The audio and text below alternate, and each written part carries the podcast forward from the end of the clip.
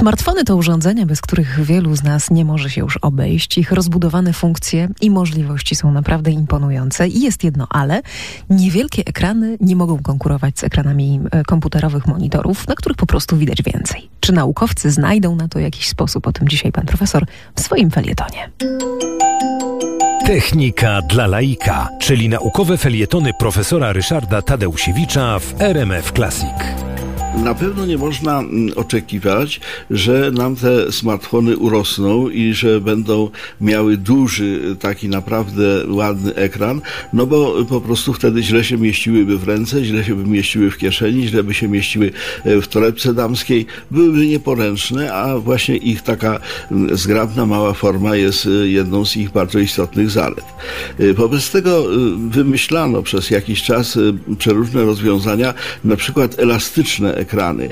To znaczy takie, że y, ekran y, można będzie rozwinąć, tak jak się rozwija płachtę papieru czy, czy gazetę, no i w ten sposób będziemy czytali na większym ekranie, a po zwinięciu zmieści to się ponownie w kieszonce koszuli czy, y, czy w torebce damskiej.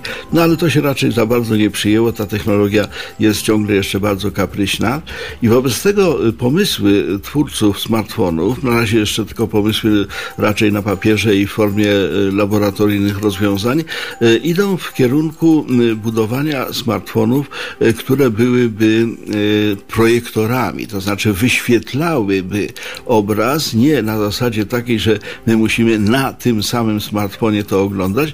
Wystarczy, że znajdziemy się koło białej ściany, czy, czy białego mebla, czy nawet na blacie biurka. Można sobie wyświetlić ten obraz w dużym powiększeniu.